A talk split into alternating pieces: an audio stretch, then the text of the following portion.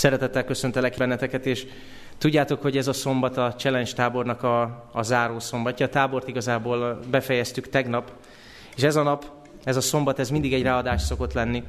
És tényleg nagyon egyszerűen szeretnék ma az igéről szólni köztetek, ami a, mind a táborzóknak szól, mind pedig a, a saját gyülekezetemnek.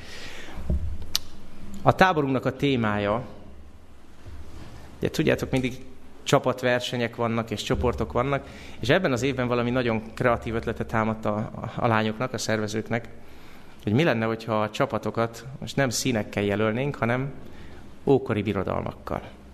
Mégpedig a, mégpedig a Biblia ókori birodalmaival. És most jön egy kis teszt. Ki az, aki fel tudja sorolni ezeket a birodalmakat? Időrendben. A Biblia legfontosabb birodalmai, és most nem Salamon birodalma, tehát ezek kifejezetten az Izrael körülévő birodalmak voltak, a nagy birodalmak. Kezdjük. Elsőt. Melyik az első? Egyiptom, köszönöm. Második? Asszíria. Harmadik? Ide már könnyű. Babilon, Médo-Perzsia, Görögország és Róma, így van.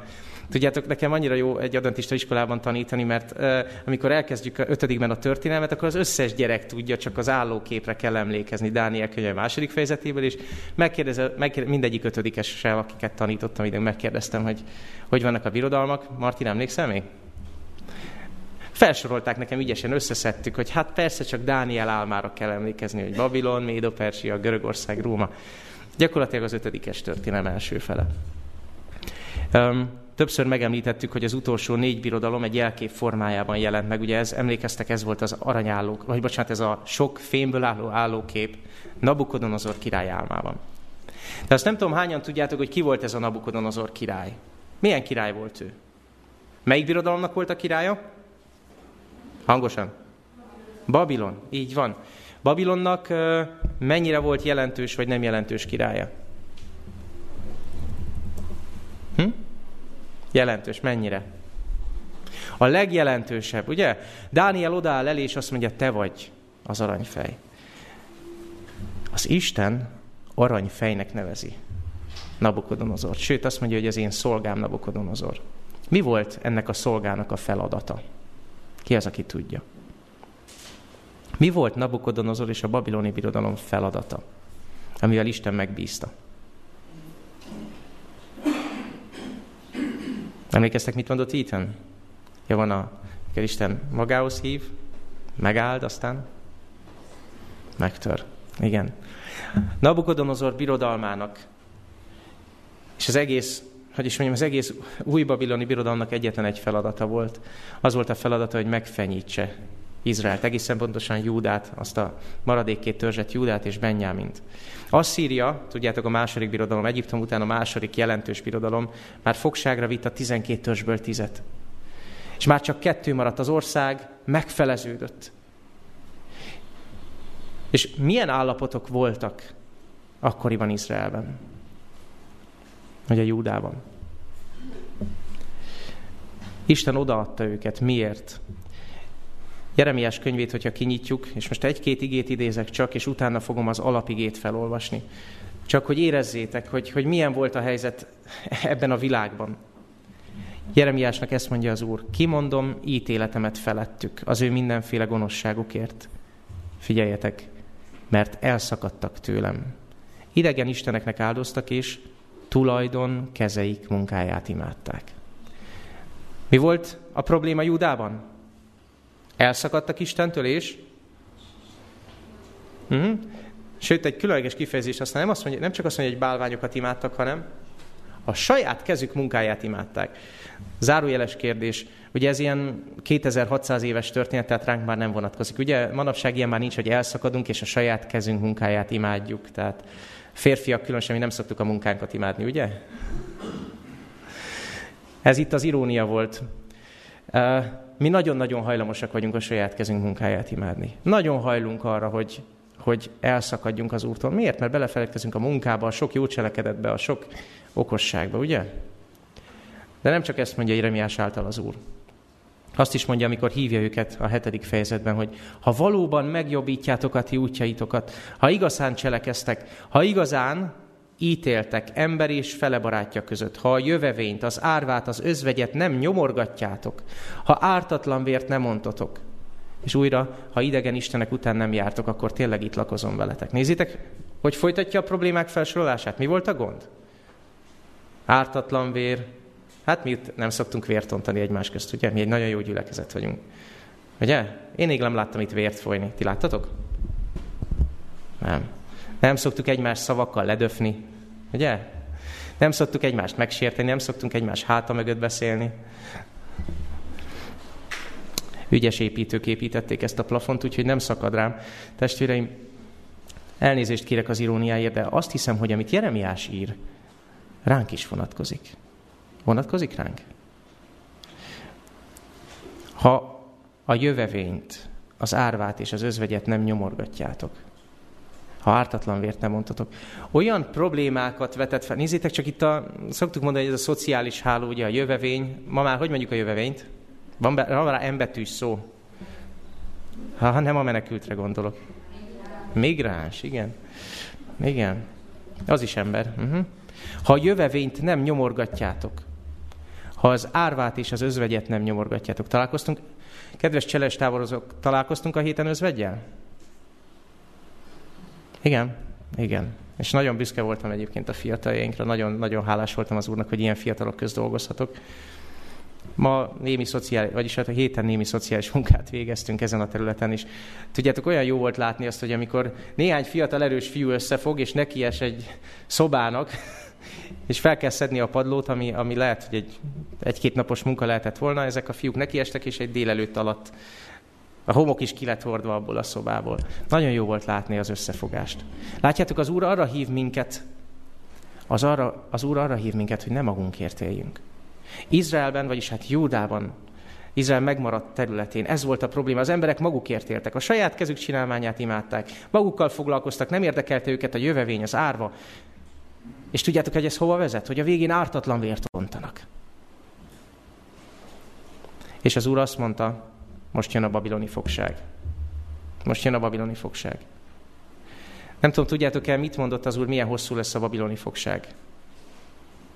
70 év. És nem tudom, tudjátok-e, mennyi ideig állt fenn a babiloni birodalom? Az új babiloni. 70 évig, körülbelül. Hozzávetőlegesen 70 év. Az Úr támasztott egy birodalmat csak azért, hogy megfenyítse Izraelt. Csak azért, hogy megfenyítse a saját népét. Jeremiás által az Úr rengeteg figyelmeztetést küldött újra, újra, újra és újra, és most jön az alapige. Mert egyszer bekövetkezett a baj. Jött a breaking, ahogy, ahogy Ethan-től hallottátok, ugye? Jött a törés, a megtöretés. És ha elolvassátok Jeremiás könyvét, és szeretném, hogyha semmit nem visztek haza ma, ezt az egyet vigyétek haza, jó? Olvassuk el Jeremiás könyvét, fantasztikus könyv. Ott van a nép a fogság előtt. És Jeremiás által az Úr, és Jeremiás egy fiatal ember volt. Egészen fiatal korában hívta el az Úr. Tizenéves volt, amikor az Úr elhívta, és egész életében az Úrnak dolgozott, haláláig. Állandóan újra és újra figyelmeztet, hogy jönni fog a fogság. Ne higgyetek a hamis proféták, ne mondjátok azt, hogy jó, mi az Isten népe vagyunk, itt nem lesz gond. Meg hát egy ilyen szép templomot kirombolna le. Ugye? Ne higgyetek ezeknek, figyeljetek, ha így folytatjátok, Baj lesz, baj lesz. Ki szereti a vészmadarakat? Ki szereti azt hallgatni, hogy baj lesz? Senki nem szereti azt hallgatni, hogy baj lesz. Mindegyik próféta a Bibliában arról beszél, hogy baj lesz, és egyiket se szeretik. Jeremiás se szerették. De ami miatt ezt a már sokat emlegetett alapigét választottam, eljött a baj. És akkor Jeremiás hangja megváltozik. Amikor tényleg eljön a baj, mit szokott mondani a magyar ember? Úgy kezdődik, hogy na, na ugye megmondtam. Na ez nem az Isten jelleme. Ezt jól jegyezzük meg. Az Isten előre szól, ha jön a baj, és hogyha nem hallgattál rá, hogyha nem figyeltél rá, akkor nem azt mondja, hogy na megmondtam.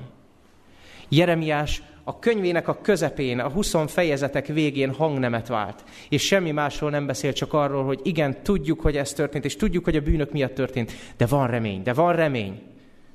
Ahogy jön a babiloni fogság, Jeremiás elkezd ilyeneket mondani, hogy új szövetséget kötök Izrael házával. Elkezd ilyeneket mondani, hogy csak térj meg hozzám, szólíts engem atyádnak. Ilyeneket mond, hogy csak ismerd el, hogy védkeztél, és megszabadítalak téged. És most jön az alapige, Jeremiás 29, 11-től 14. És szeretném, hogyha ezt kinyitnátok a Bibliátokat, és leginkább ott néznénk, akinél pedig nincs, annak kivetítjük. Jeremiás 29, 11-től 14, és kérlek, hogy legyen a szemetek rajta ezen az igén. Akik itt voltak a challenge táborban, azok már ismerik ezt az igét, mert idéztem. Csak most egy kicsit hosszabban idézzük. Jeremiás 29, 11-től 14. Bekövetkezik a fogság, megjelenik Nabukodonozor, elhordja a templom kincseit, fogságba ejti a királyi családnak a tagjait. Rengetegen meghalnak, és Jeremiás elkezd reményről beszélni. És azt mondja, ezt üzeni nektek az Úr, mert én tudom az én gondolataimat, amiket felőtletek gondolok. Ó, Istenem, és mit gondolsz? Hát most itt vannak a babiloniak, most vitték fogságba a családomat. Az én gondolatom nem ez, azt mondja az Úr. Békességnek és nem háborúságnak gondolata. Én kívánatos véget akarok adni nektek. Itt a pontosan a Héber szöveg nem így szól, hogy kívánatos vég. Nem a végéről szól. Azt mondja, reményteljes jövőt, vagy jövőt és reménységet adok nektek. Az én gondolatom ez mondja az Úr, hogy jövőt és reményt adok nektek. Akkor segítségül hívtok engem, és elmentek és imádtok engem, és meghallgatlak titeket, kerestek engem, és megtaláltok. Miért? Mert? Már sugjátok, igen mert teljes szívetekből kerestek engem, és megtaláltok engem, ezt mondja az Úr, és visszahozlak a fogságból, és összegyűjtelek titeket minden nemzet közül, és minden a helyekről, ahová kiűztelek titeket, azt mondja az Úr, és visszahozlak-e helyre, ahonnan, ahova, ahonnan számkivetettelek titeket, vagy ahova fogságba vitettelek titeket.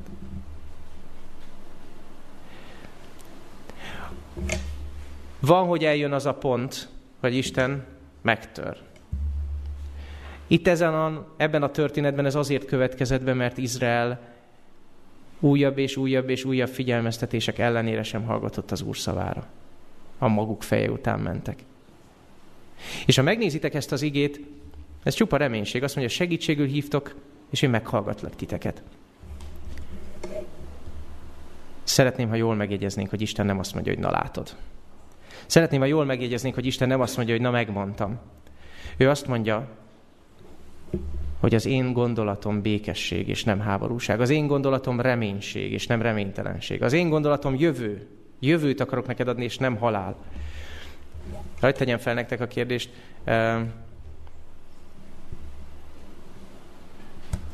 Mi a fő üzenete ennek a szakasznak?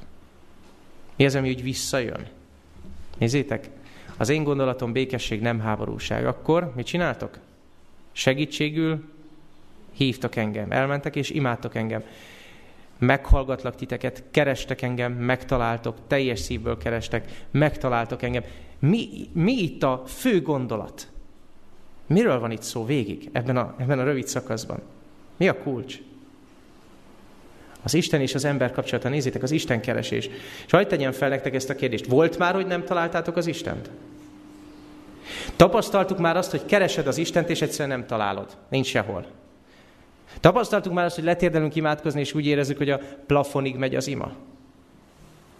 Vagy, még rosszabbat mondok, hogy azt mondják neked, hogy figyelj, imádkozni kell, jó? És igazából úgy érzed, hogy jó, de hogyan? Egyedül vagyok az ilyenfajta tapasztalatommal, vagy az előttem ülő fiatalok és tapasztaltabb fiatalok már átmentek ilyen tapasztalaton. Volt már, hogy úgy éreztétek, hogy leülök Bibliát olvasni, mert azt beszéltük a mélyben nézőn, hogy üljetek le Bibliát olvasni, ugye? Azt beszéltük a táborba, vagy azt hallottam Bózsván, vagy azt hallottam a szószékről, vagy azt mondta egy barátom, hogy le kell ülni Bibliát olvasni, és akkor majd az Isten beszél. Volt már, hogy leültetek Bibliát olvasni, és nem mond semmit? Volt már ilyen? És feltettük már, volt már, hogy feltettük azt a kérdést, hogy Istenem, hol a hiba? Mert ennek itt működnie kellene. Hol a hiba? Mert ennek itt működnie kellene. Az ige azt mondja nekünk, hogy ha kerestek, akkor megtaláltok. Pont. Vagyis, hol kezdődik ennek az egész problémának a feloldása? Ha Isten azt mondja, hogy keres, és meg fogsz találni, akkor ez az ígéret, ez száz százalék. Ez nem úgy van, hogy keres, és lehet, hogy lesz valami élményed, vagy keres, és lehet, hogy találsz valamit. Azt mondja, meg fogsz találni, mégpedig engem. Miért akarja ennyire Isten, hogy őt találd meg? Tudjátok, hogyha erre a kérdésre tudjuk a választ, akkor meg tudjuk arra is a választ, hogy sokszor miért nem találjuk őt.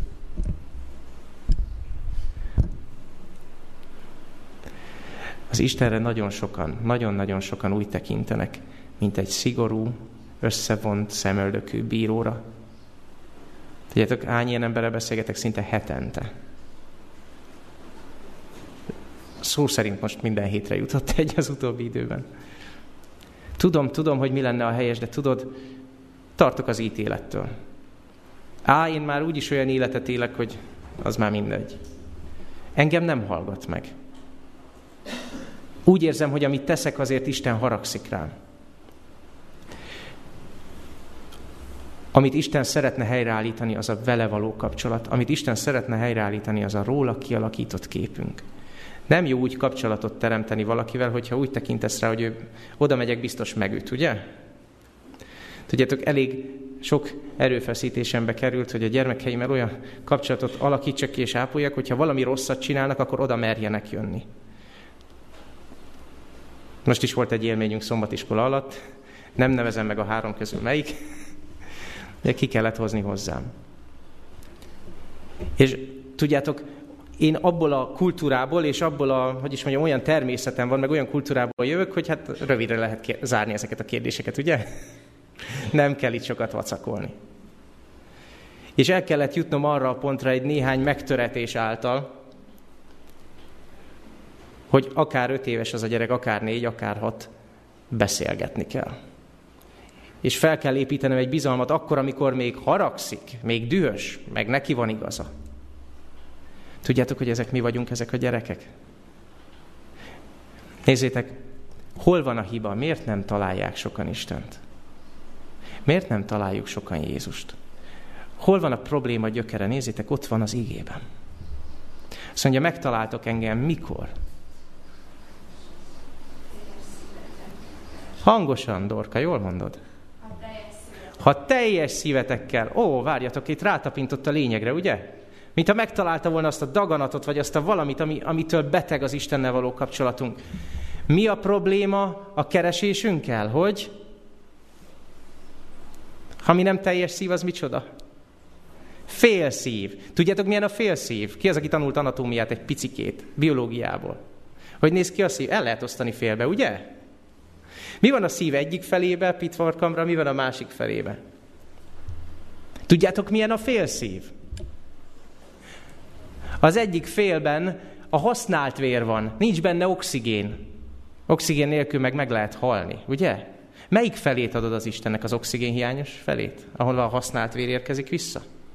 Félszívvel nem lehet élni.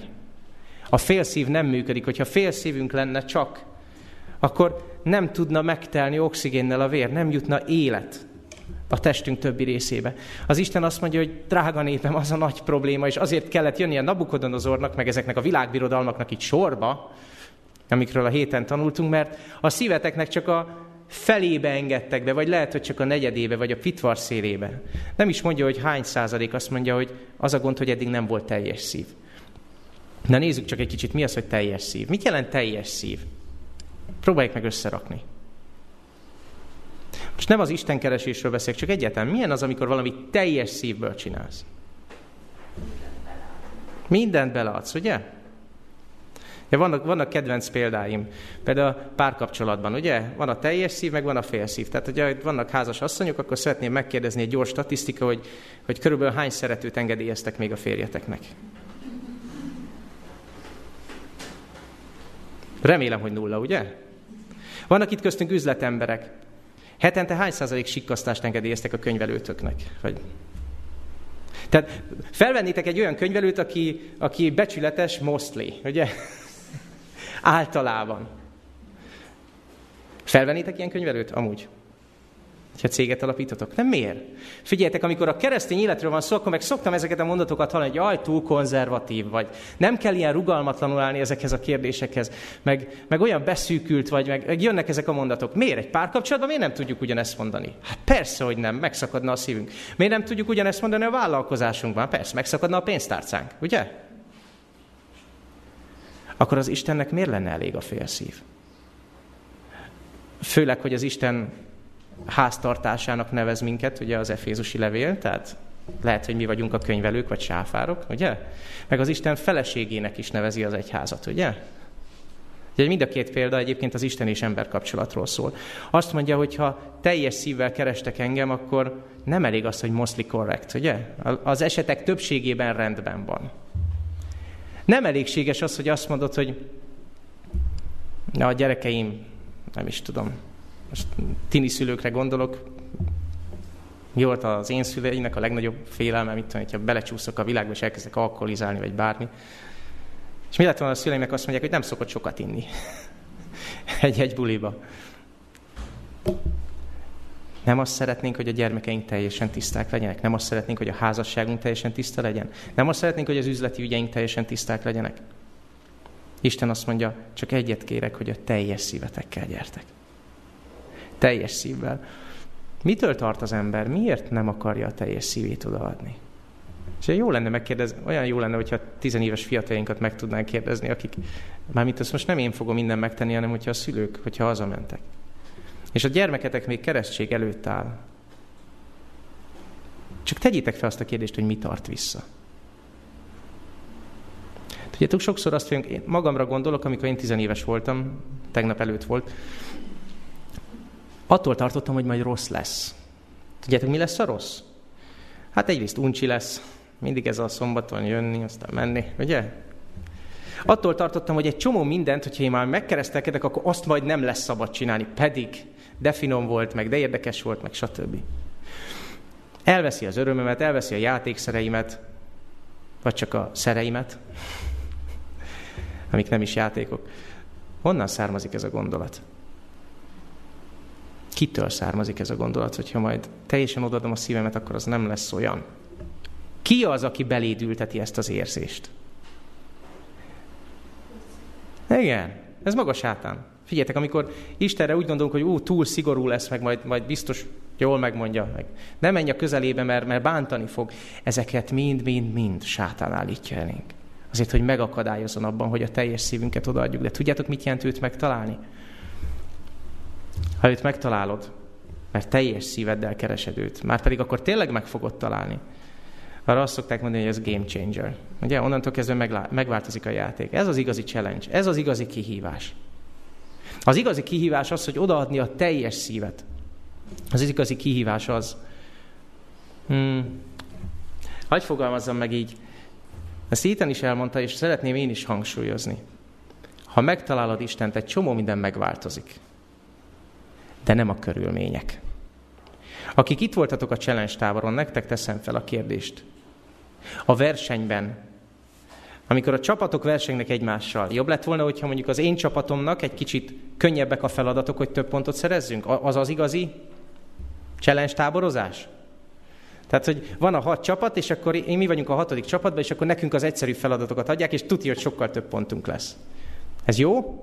Ilyen játékot szeretnétek? Egyszerűsített sportfeladatok az én csapatomnak, minden egyszerűsítve. Nem, amikor, amikor sportolni akarunk, amikor játszani akarunk, akkor pont az a lényeg, hogy nem a játékok változnak meg, nem a szabályok változnak meg, hanem mi leszünk erősebbek. Amikor a zsűrivel osztogattuk ott a pontokat, meg számoltunk, osztottunk, szoroztunk, tudjátok, nagyon sokszor feltűnt, hogy a csoportdinamika, a csoport összetartása határozta meg azt, hogy végül hány pont lett a végén. Mennyire megbízható a vezető, mennyire figyelnek a vezetőre, mennyire tudja összefogni a társaságot. A társaság mennyire hajlandó összefogni a csapat. Nem az volt a kulcs, hogy milyen nehezek a feladatok. Ilyen apróságokon múlott sok pont a játékokban.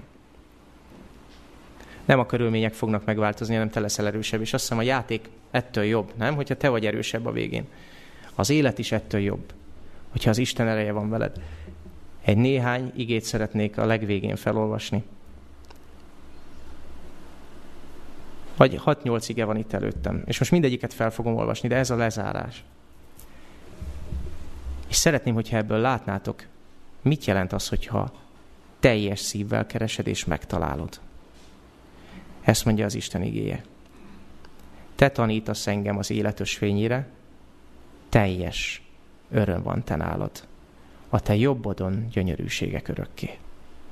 Ez a 16. Zsoltár. 37. Zsoltár. Gyönyörködj az Úrban, és megadja a szívet kéréseit. 81. Zsoltár. Én vagyok az Úr, a te Istened, aki kihoztalak téged Egyiptom földjéről. Én vagyok a szabadító. Csak nyisd ki a szád, és én betöltöm azt. Máté Evangélium a hetedik fejezet. Kérjetek, és adatik. Zörgessetek, és megnyitatik. Kerestek, és találtok. János 10.10, a jó pásztor azt mondja, én vagyok a jó pásztor, én azért jöttem, hogy életük legyen és bővölködjenek. Jézus azt mondja, békességet hagyok nektek, az én békességemet. Nem úgy, amint a világ adja. Ne nyugtalankodjék a ti szívetek. Azt mondja, ha bennem maradtok, és az én beszédeim bennetek. Ez a feltétel, de milyen jó feltétel. Jézus itt marad velem? Ez a legjobb feltétel, nem? Akkor kérjetek, amit csak akartok. Mit? Kérjetek, amit csak akartok, és meg lesz az nektek. Mostanáig semmit nem kértetek az atyától az én nevemben. Kérjetek, és megkapjátok, hogy a ti örömötök, hogy a ti örömötök teljes legyen. Nem tudom, hogy sátának van-e nagyobb arcátlansága, mint az, hogy eltakarta ezt az Isten előlünk. Nem tudom, hogy van-e nagyobb csalás a világon, mint félreismerni azt az Istent, aki így áll az emberhez. Nézzétek csak, ki szeretne élni? Emelje a kezét, aki szeretne élni. Emelje a kezét, aki szeretne bővölködni, aki szeretne kérni és kapni. Ugye? Nem csak úgy kéregetni, hanem kéred az Istent és kapsz. Aki szeretne békességet, aki szeretne teljes örömet, aki szeretne Jézussal együtt mindent elnyerni, mert azt mondja a római levél nekünk, hogy aki az ő tulajdon fiának nem kedvezett, mi módon ne adna vele együtt, hogy van az ige? Mindent mi nekünk. Mi módon ne ajándékozna vele együtt mindent mi nekünk. Testvéreink és kedves fiatalok, nekünk egy ilyen Istenünk van. Ez lesz a következménye annak, hogyha nem csak a szíved felével keresed őt, vagy negyedével, vagy csak ott a szélével, hanem fogod és teljes szívvel keresed őt. Nem mondod azt, hogy hát ez már túl vallásos, ez már túl konzerv, ez már túl kocka. Nem hozol kifogásokat, nem mondod azt, hogy hát akkor elveszed a játékszeremet, vagy nem véded azt, ami, ami helytelen. Már pedig én így szolgálom az Istent, és pont. Hanem azt mondod, hogy teljes szívvel meg akarlak téged találni. Akkor egy olyan Istent fogsz találni, aki azt szeretné, ha élnél, bővölködnél, kérnél, kapnál, gyönyörködnél benne, minőségidőt töltenél vele, békességet adhatna neked. És nekünk egy ilyen Istenünk van. Jön a fogság, hazahozlak titeket. Bűnöket követtetek el, megbocsájtok nektek. Csak egyet kérek, ne fél szívvel. Teljes szívvel keressetek engemet. Mert én tudom az én gondolataimat, amelyeket felületek gondolok, azt mondja az Úr. Békességnek és nem háborúságnak gondolata, hogy jövőt és reménységet adjak nektek. Akkor majd segítségül hívtok engem, és én meghallgatlak titeket. Kerestek, és megtaláltok. Miért? Mert teljes szívetekből kerestek engem. Ez az Isten ígérete. Ragad meg, és ne engedd el. Ragad meg, és ne engedd el. Szeretnétek ezt az ígéretet az életetekben? Úgy legyen. Ámen. Kérlek benneteket, hogy hajtsunk térdet, és kérjük az Istentől azt, amit megígért. Mennyei atyánk, szeretnénk most felemelni a mi fejünket, a mi szavunkat, a mi tekintetünket feléd. Szeretnénk téged úgy megismerni, amint vagy. Szeretnénk teljes szívvel keresni téged. Te látod, hogy hányan vagyunk itt, akik válaszokat szeretnénk, akik útmutatást szeretnénk, és megvalljuk neked, atyánk, hogy bár vágyunk arra, hogy hogy helyesen éljünk, hogy jó döntéseket hozzunk, de sokszor visszatartottuk a teljes szívünket tőled. Csak félig meddig akartunk téged, inkább csak az áldásaidat. Atyánk, tudjuk, hogy ez a legnagyobb kihívásunk, és itt a tábor végén a kihívások hete után szeretnénk Szeretnénk győztesek lenni mindannyian egyenlő módon ebben a legnagyobb kihívásban. Odaadni a szívünket egészében neked. Szeretnénk felét fordulni, és szeretnénk, hogyha beteljesülne az az ígéret rajtunk, amiket itt az ige mondott nekünk. Hogy keresünk téged és megtalálunk. Hogy olyan békét adsz, amit más nem adhat. Hogy csak ki kell nyitnunk a szánkat, és te betöltöd azt. Hogy te leszel a mi szabadítónk, ami élet adunk. Szeretnénk gyönyörködni benned, Istenünk. És a te fiad van, akit értünk adtál. Akivel mindent, akivel együtt mindent nekünk adtál. Köszönjük, hogy az univerzum királyának a gyermekei lehetünk, hercegek és hercegnők. Kérünk téged, hogy amikor kísértések jönnek, amikor sátán bűnbe akar vinni, jusson mindig eszünkbe, hogy mi a király gyermekei vagyunk. Köszönjük, hogy Jézus által ez lehetséges, az ő nevében. Amen.